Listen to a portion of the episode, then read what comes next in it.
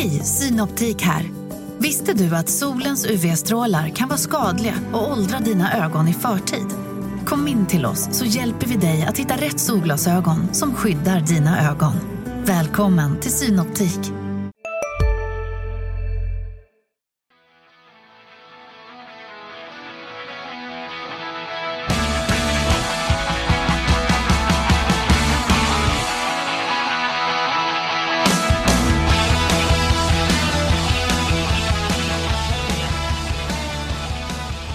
Varmt välkomna ska ni vara tillbaka till eh, Sportklubben. Idag spelar vi in ett eh, extra avsnitt så här dagen efter transferfönstrets eh, stängning.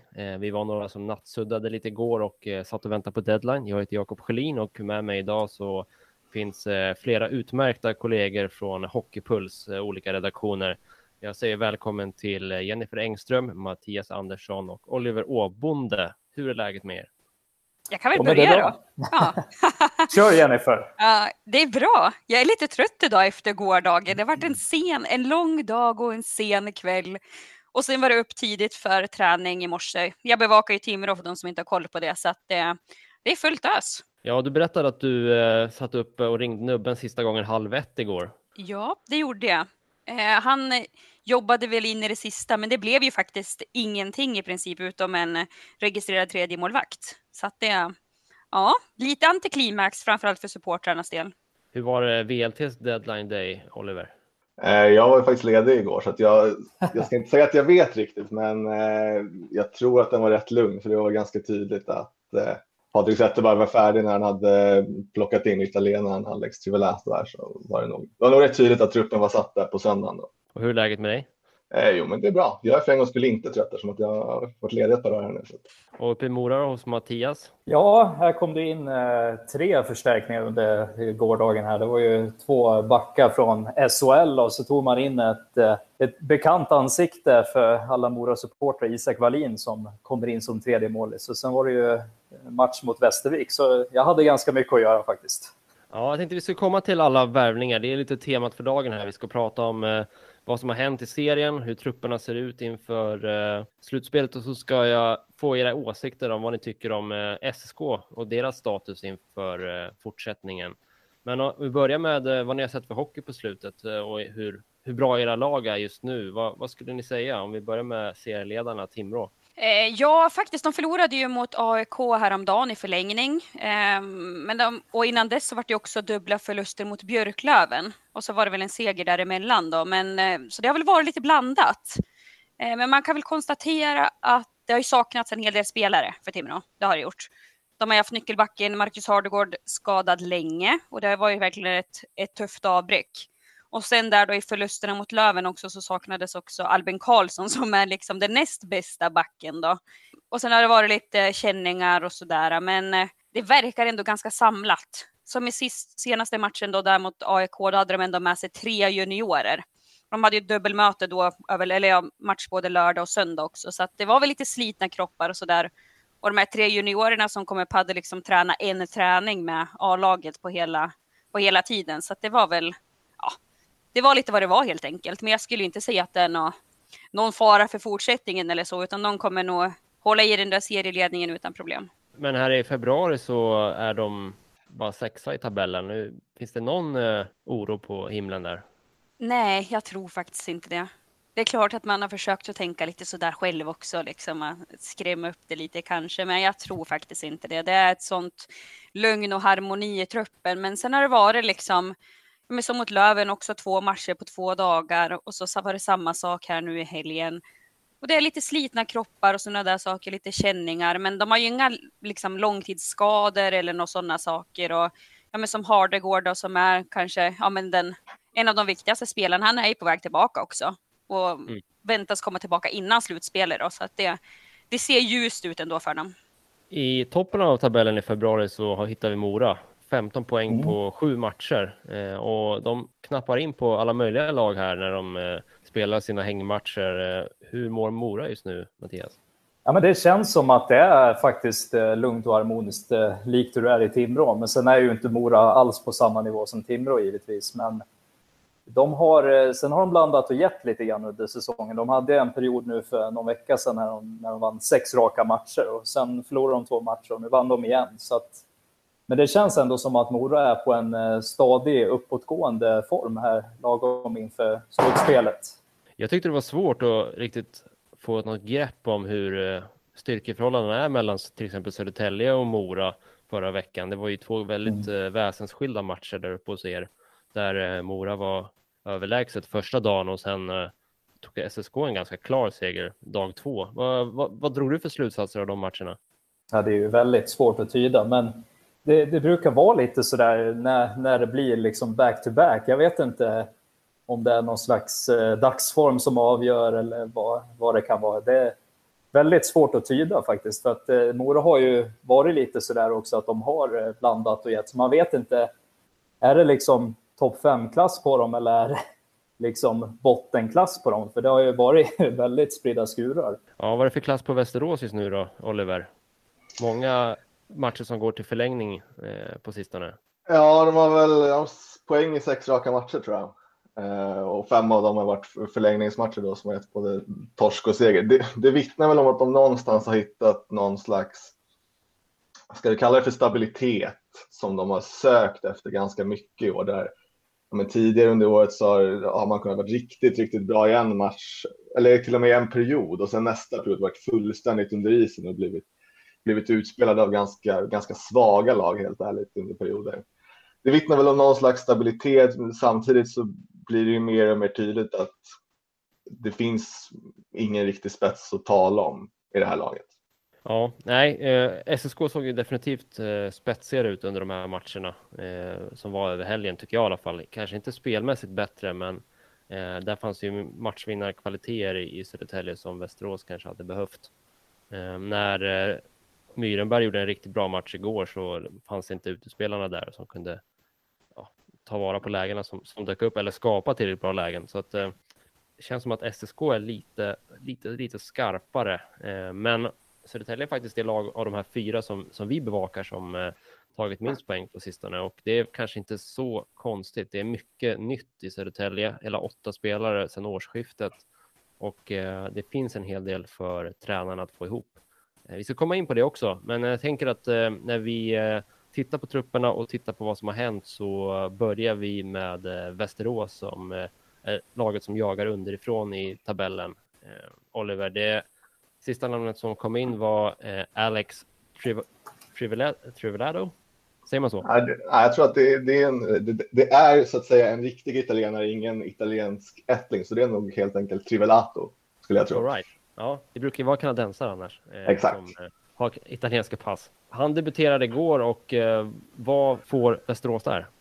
och döma av det man såg igår, jag ska säga att jag såg inte hela matchen, jag såg delar av matchen, så är det en stabil back man har fått in som kanske inte kommer glänsa allt för mycket men inte göra några supermisstag heller. Och det är ja, som vi var inne på innan, där med stabiliteten har man ju eftersökt och det är framförallt på backsidan som det har fluktuerat ganska mycket i, i insatserna en sån kille skulle kanske kunna komma in och stabilisera en backpartner i alla fall. En, nu minns jag inte vem man spelade med igår, men kanske att man skulle kunna sätta honom med en Jimmy Jansson som, som gärna sticker mycket framåt och som ja, har varit lite darrig bakåt stundtals. Mm. Sen tycker jag också att han, att han gjorde det helt okej powerplay, även om Patrik Zetterberg sa att han inte kom hit riktigt för att vara en poängback på det sättet. Jag tycker att han var rörlig på blå linjen framför allt på ett sätt som de andra backarna som har spelat powerplay i år inte alls är. Ja, det känns ju som att Västerås behöver lite hjälp i powerplay den här säsongen. Ja, det får man absolut säga. De, nu vet jag inte exakt vart de, vart de ligger i statistiken längre, men de är väl gissningsvis näst sämst fortfarande. Ett tag var de sämst i hela ligan och hade inte gjort, i princip inte gjort mål på närmare en månad. Det är absolut där de behöver hjälp och de har ju, det såg vi ju igår, ett, ett jättevapen i Lukas Zetterberg som är fullständigt underutnyttjat den här säsongen. Så man, mm. man, behöver ge, man behöver ge honom mycket, mycket fler skottlägen än vad han har fått. Hur bedömer du hur uh, Zetterberg har valt att värva här då? Har Västerås blivit starkare? Finns, fanns det svagheter som man inte lyckades uh, åtgärda? Och hur ser du på de senaste veckornas uh, övergångar? Det är väl i så fall den offensiva spetsen som man inte riktigt har lyckats ja, komma till rätta med. Nu ska vi säga också att eh, Joakim Hilding som har varit borta sedan i början av december med sviterna av covid-19 Eh, gjorde faktiskt comeback i, i lördags, här, spelade, spelade en kedja på riktigt om man säger eh, igår. Eh, det blir på sätt och vis som en värvning med tanke på att han inte var i slag överhuvudtaget i början av säsongen när han spelade heller. Där får man väl förhoppningsvis in lite efterlängtad spets, men det är klart, ska det här laget ha hotat uppåt så det behövs ju, det hade ju behövts flera spetsspelare framåt, kanske en helt ny första kedja om man ska vara helt ärlig. Och de, de resurserna finns väl inte riktigt. Och, ja, så, så, som laget har sett ut den här säsongen så finns det ingen mening att lägga ut de resurserna heller om man ska vara helt ärlig. Så bättre att eh, ladda om för nästa år när Timrå kanske inte är kvar i, i serien? Eh, jag skulle tro att det, att det är ett mycket bättre alternativ för Vik, absolut. Med det så går vi till eh, Mora tänker jag, där eh, det faktiskt eh, först lät som att det inte skulle hända så mycket. Jag lyssnade på eh, coach Johan Hedberg i en Aftonbladet-podd där han förklarade att man inte hade resurser och inte kände att man behövde göra något med laget som fungerar bra just nu. Sen smäller det ändå till på sista dagen och så här, senaste veckorna så har man alltså plockat in fem spelare om jag räknar rätt. Isak Wallin i och för sig bara som namngiven tredje målvakt. Sen ett gäng backar i Filip Forsmark och Simon Johansson som kom igår. Timo Nickel fanns med redan mot Södertälje men har, har värvats på slutet. Och så Dennis Finn Olsson från Borlänge. En eh, breddvärvning känns det som. Missar jag någon? Eller och Albert Lyckåsen också. Ja, precis. Du har eh, Albert Lyckåsen också från eh, Linköping, SHL. SHL-back. Men, men, sen eh, tror jag att Dennis Finn Olsson var egentligen bara för en match, liksom, för att han skulle få chansen att visa upp sig. Så att eh, jag vet inte riktigt om Mora kommer ha användning av honom någonting mer och eh, Nickel har gått och vänt till Rögle nu igen också. Så det var väl lite därför de eh, plockade in Simon Johansson och Filip Forspark i Mora. Då. Men sen, sen har de ju, de har ju tre viktiga backar som är skadade i Mattias Nörstebö, Viktor Anér och Adam Asur. Mm. Så det var ju därför de värvade in Simon Johansson och Filip Forsmark för att täcka upp där på backsidan. Vad är statusen där då? Kan några av dem komma tillbaka till slutspelet? Ja, det verkar ju som att eh, Viktor Anér i alla fall eh, börjar närma sig comeback. Eh, det ser lite dystrare ut med Adam Asur. Han eh, kommer nog förmodligen inte spela någon mer den här säsongen. Och Mattias Nörstebö är lite oklart med. Han sa det i en intervju med mig att eh, eh, kom tillbaka om tre veckor så ser vi hur statusen ser ut då. Så att, eh, det är lite, lite tungt där på, på backsidan, men om eh, VL, Västerås har problem med offensiven så har ju Mora verkligen ingen problem med offensiven. De har ju seriens hetaste powerplay. Ja, men precis. Eh, det blir lätt så när Daniel Ljunggren har mycket puck, känns det som. Eh, ja, och sen har de... Ståhl Yrenäs har ju fått ett gigantiskt lyft också. Han har ju öst in mål den här säsongen och har nästan gjort lika mycket mål som Johan Persson. Så att de har mycket vassa målskyttar också, får man inte glömma. Tycker du att de här dragen som Mora gör räcker för att de ska vara en eh, skrällkandidat i ett slutspel? Alltså, ja, jag tror inte riktigt det. Alltså, visst, eh, jag tror att det finns motståndare som kanske inte är så där eh, wow, eh, vilken enkel match att möta Mora i en kvartsfinal exempelvis. De, de kan nog vara en liten joker och kanske skrälla i en kvartsfinal eventuellt. Men eh, längre än så, ja, eh, det känns som att det finns inte riktigt den bredden och spetsen eh, för att Mora ska kunna utmana så högt upp. Eh, det är inte känslan i alla fall. Hade du velat se några andra värvningar än de som kom? Ja, kanske ytterligare någon vass backvärvning eventuellt eftersom att de har de här backarna borta.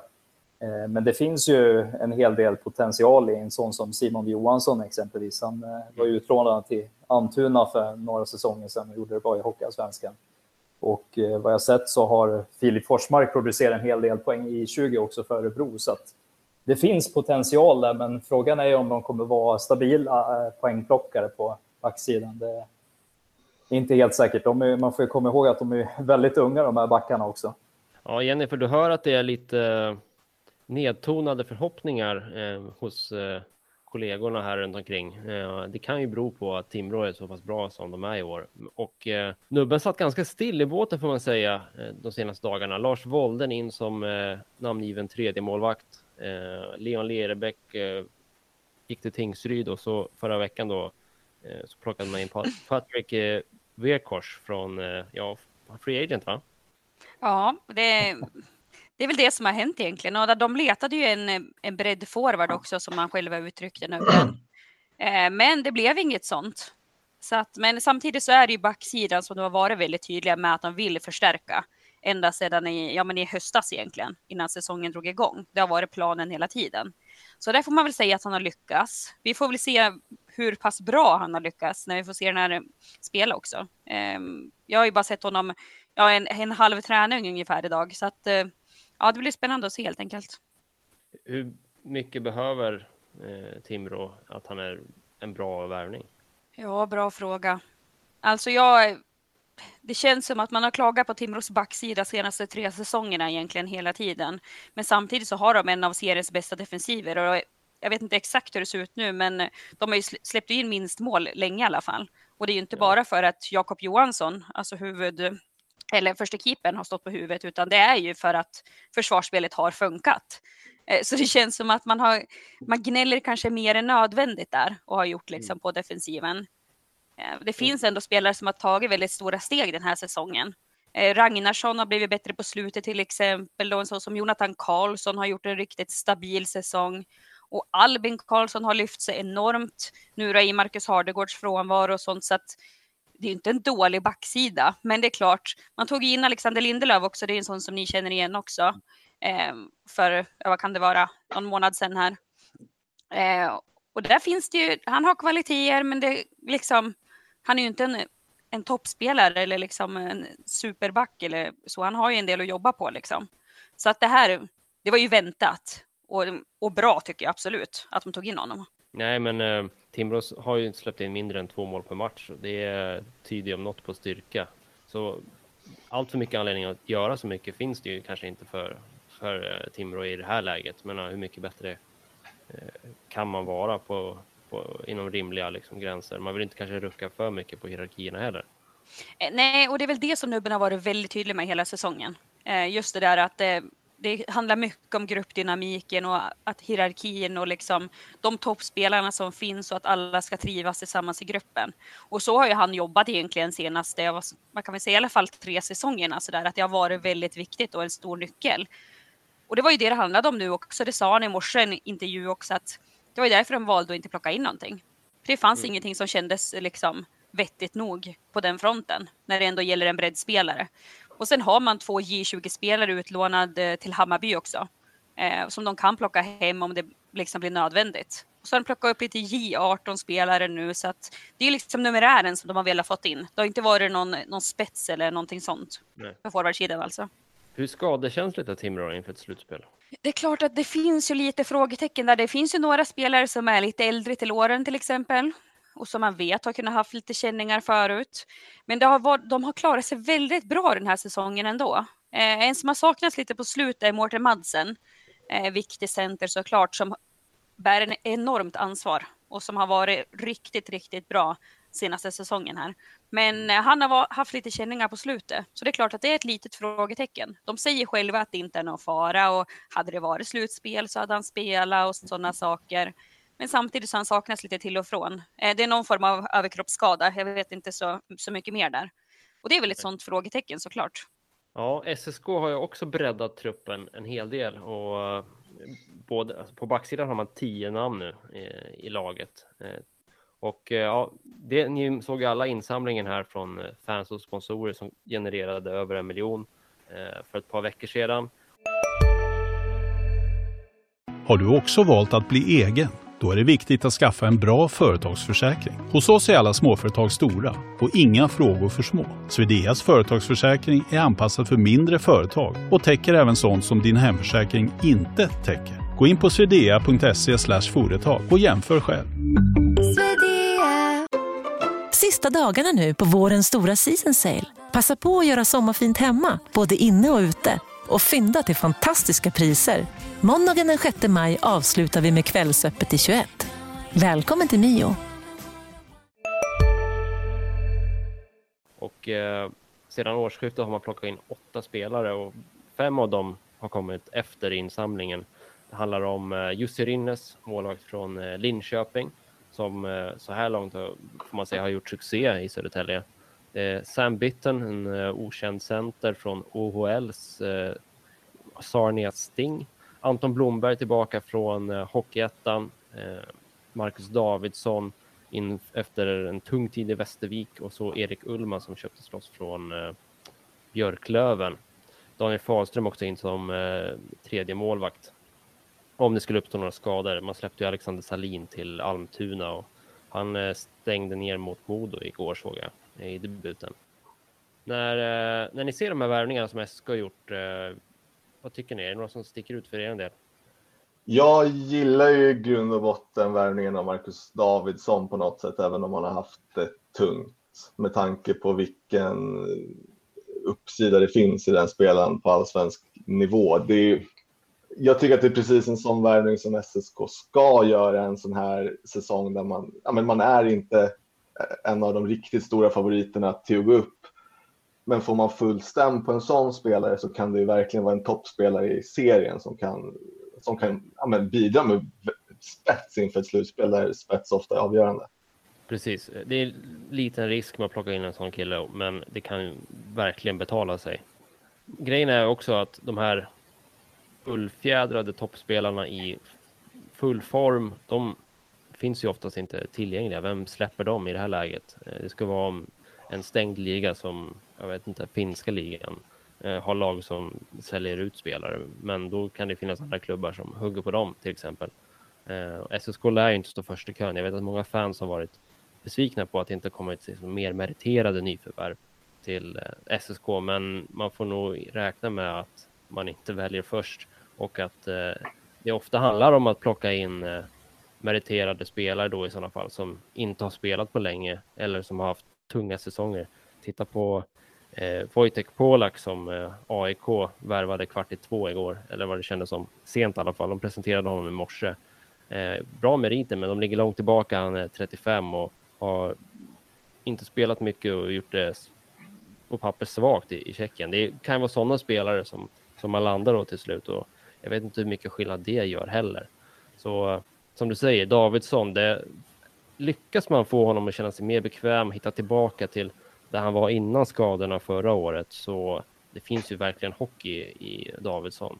Men man gör inte 27 poäng i SHL utan att det finns hockey i, i kroppen. Jag tänker Sam Bitten, hur, hur tycker du han har sett ut de här matcherna han spelar, Jakob? Ja, det där är ju lite tufft. Han är ju inte värvad för att han ska göra poäng eller så, men som de matchar laget nu så behöver han ändå liksom eh, fungera så pass mycket offensivt att eh, den tredje kedjan pytsar in med ett och annat mål. Nu spelar han med Lukas Karlsson och Oskar Olausson och Lukas Karlsson får nog vara lite drivande i den kedjan som en mm. spelmotor. Eh, men det är också svårt att bedöma Bitten för han har inte spelat hockey på hela säsongen. OHL eh, ställdes ju in eh, har inte startat. Så han behöver ju någon form av startsträcka innan man kan göra en riktigt ärlig bedömning av var han står. Men man ska, det, det finns ju många sådär frågetecken. Dels så är det inte lätt att ta klivet från en juniorliga till professionell seniorhockey som, som Hockeyallsvenskan är. Dels så var det ingen stor, eh, ja, inget stort löfte i OL heller och långt ner i, i poängligor och så. Ehm, så det är svårt att veta vad man kommer få. Han verkar ju vara en, eh, en krigare på isen. Alltså han kämpar och mm. sliter och bra inställning och bra attityd. Ehm, verkar liksom eh, finna sig i sin roll och så i laget, jobba hårt i boxplay. Så man kan ju få många sådana värden i honom, men än så länge är det lite svårt att, att bedöma var han, var han står spelmässigt tycker jag. Mora hade ju också en uh, OL-back faktiskt som uh, Nathan Steo, uh, son till Steve Steo som är tidigare NHL-legendar. Han, han fick ju dock inte spela för Mora i Hockeyallsvenskan på grund av just OL-kontraktet som han hade och gick till Huddinge istället i Hockeyettan. Men jag mm. fick ju se honom på några träningar och det, det kändes som att han hade en vass uppsida i offensiven faktiskt.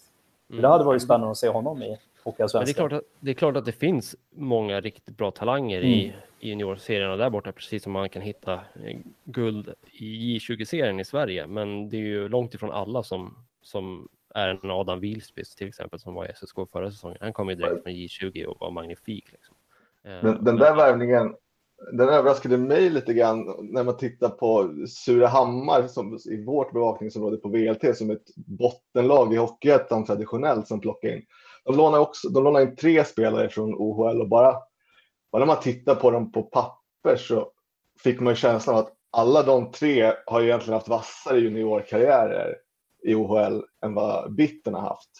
Sen är det som du säger, det kan vara olika egenskaper som funkar olika bra i en kanadensisk juniorliga jämfört med hockeyallsvenskan. Men ur det perspektivet så förvånade det kanske mig, ja, men framförallt att det inte fanns vassare OHL-spelare att hitta om man ville gå den vägen. Mm. Nej, precis. Eh, det var inte den, det första namnet man tänkte att man skulle eh, värva. Jag blev förvånad när jag fick eh, uppgifterna om att han skulle vara klar första gången och fick liksom dubbelkolla två gånger att men är det här rätt spelare och så vidare. Eh, men det var det. Eh, Samuelsson säger att han har sett honom mycket på video och gillat liksom det, det spelet utan puck som man ser från honom. Ehm, och det, man ska ju vara ärlig och säga att det är svårt att bedöma. Det kan ju vara väldigt olika hur olika klubbar i, i OL utbildar sina spelare och mycket kan ju bero på det, vad man kommer med för egenskaper. Eh, så man får ge det lite tid. Å andra sidan, om det inte skulle funka så tror jag inte att så mycket är förlorat. Det är ganska lätt för SSK att bara liksom eh, skicka tillbaka Lukas Karlsson på centerposition och så har man fyra centrar ändå.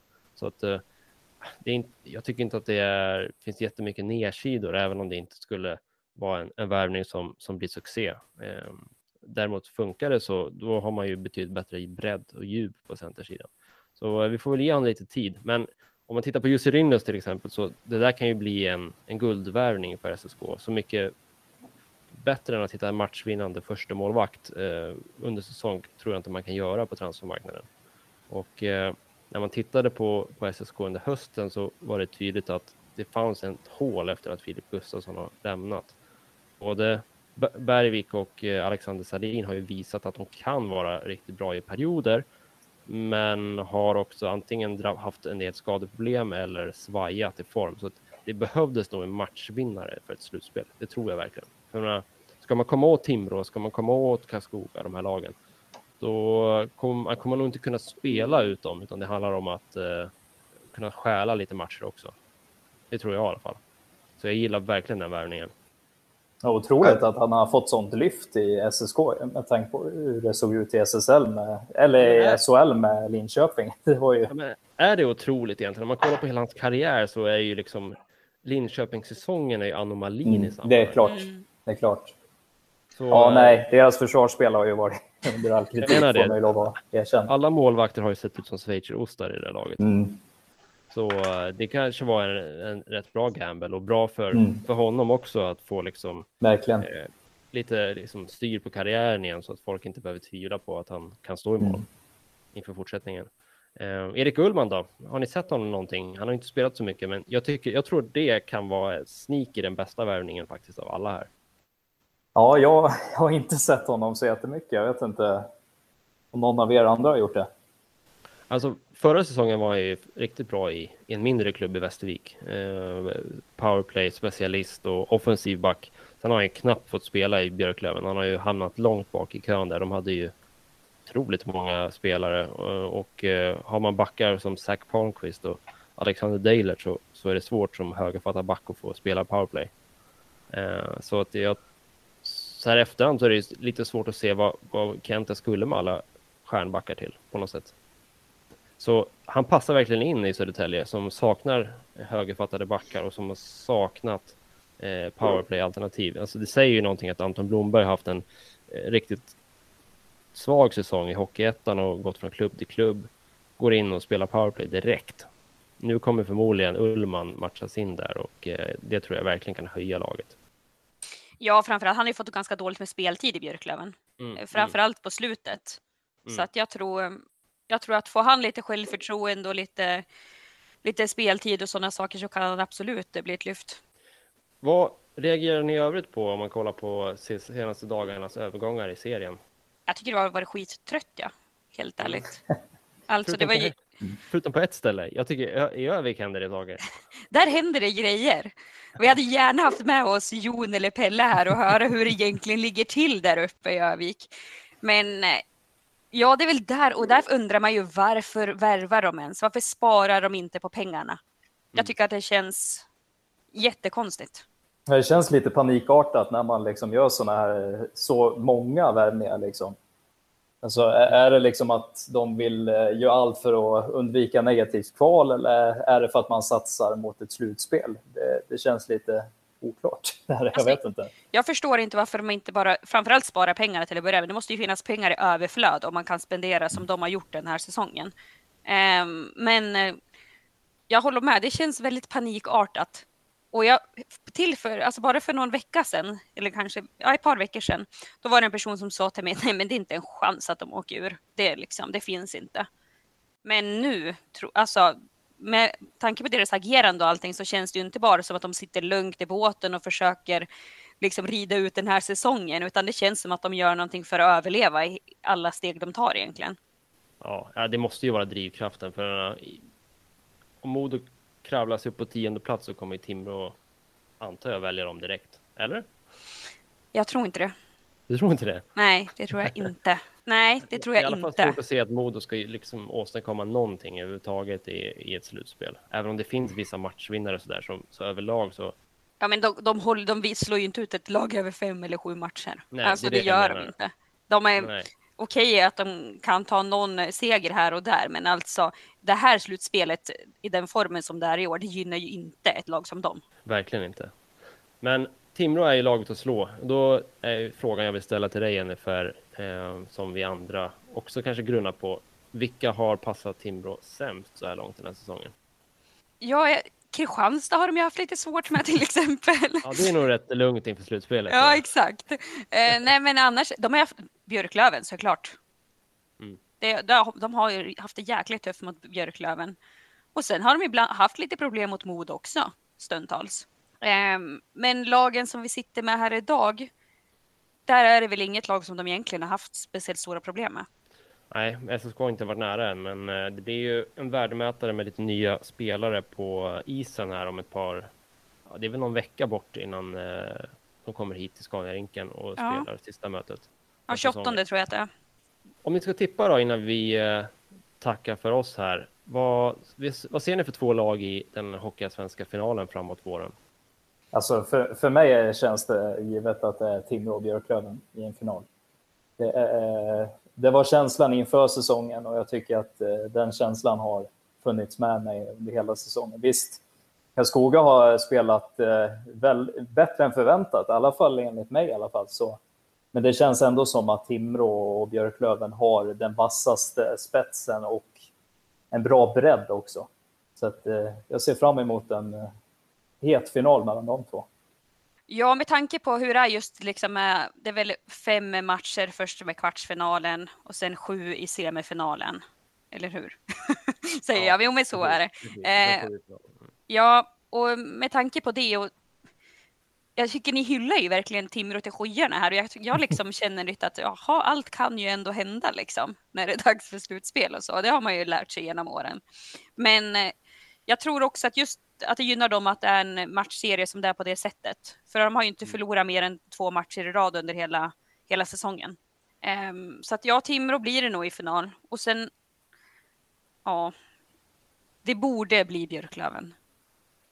Men det känns som att allt kan ju hända sen. Ja. Om, om vi säger att för Björklöven har ju spelat äh, lite sisådär på slutet. Mm. Det går, går de in till ett slutspel där Timrå har favoritskapet på något sätt och sen Eh, får Björklöven möta Timrå i en final, då känns det lite som att Björklöven kan ha ett mentalt övertag då på något sätt? Absolut. Björklöven har ju varit bättre än Timrå i de matcherna de har mötts också.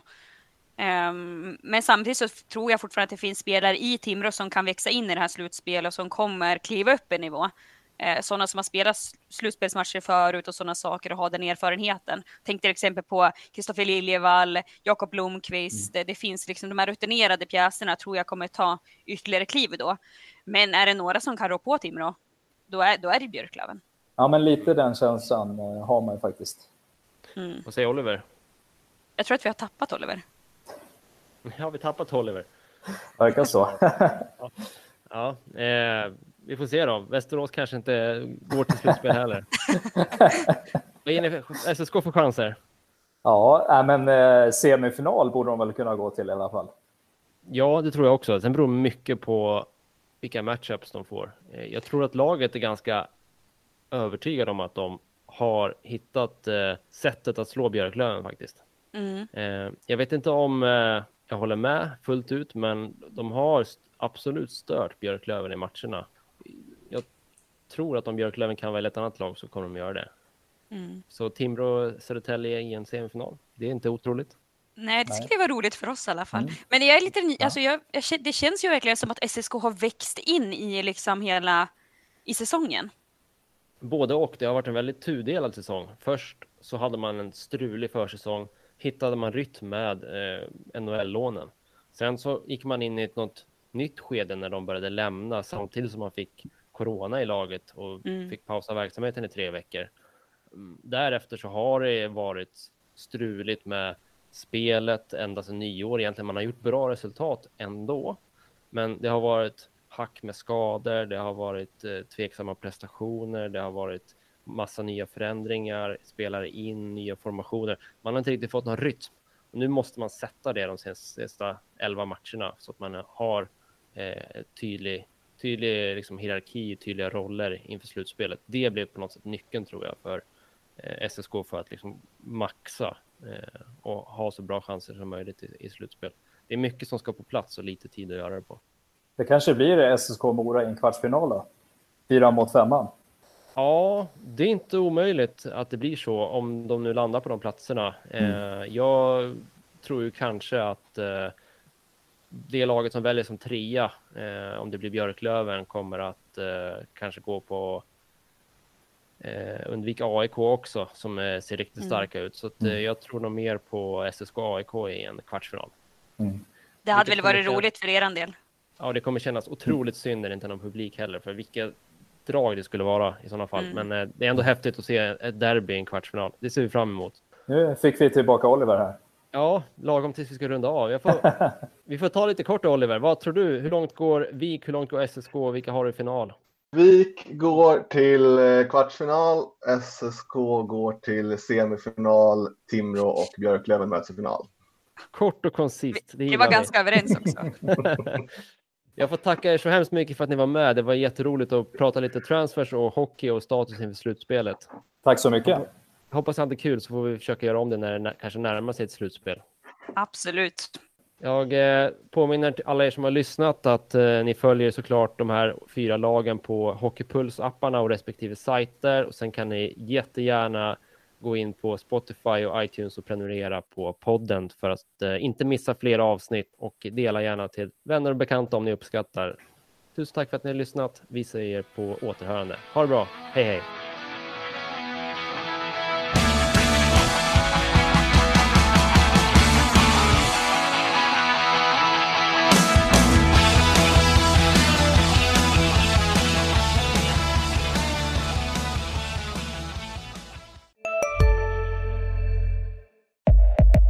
Upptäck hyllade XPeng G9 och P7 hos Bilia.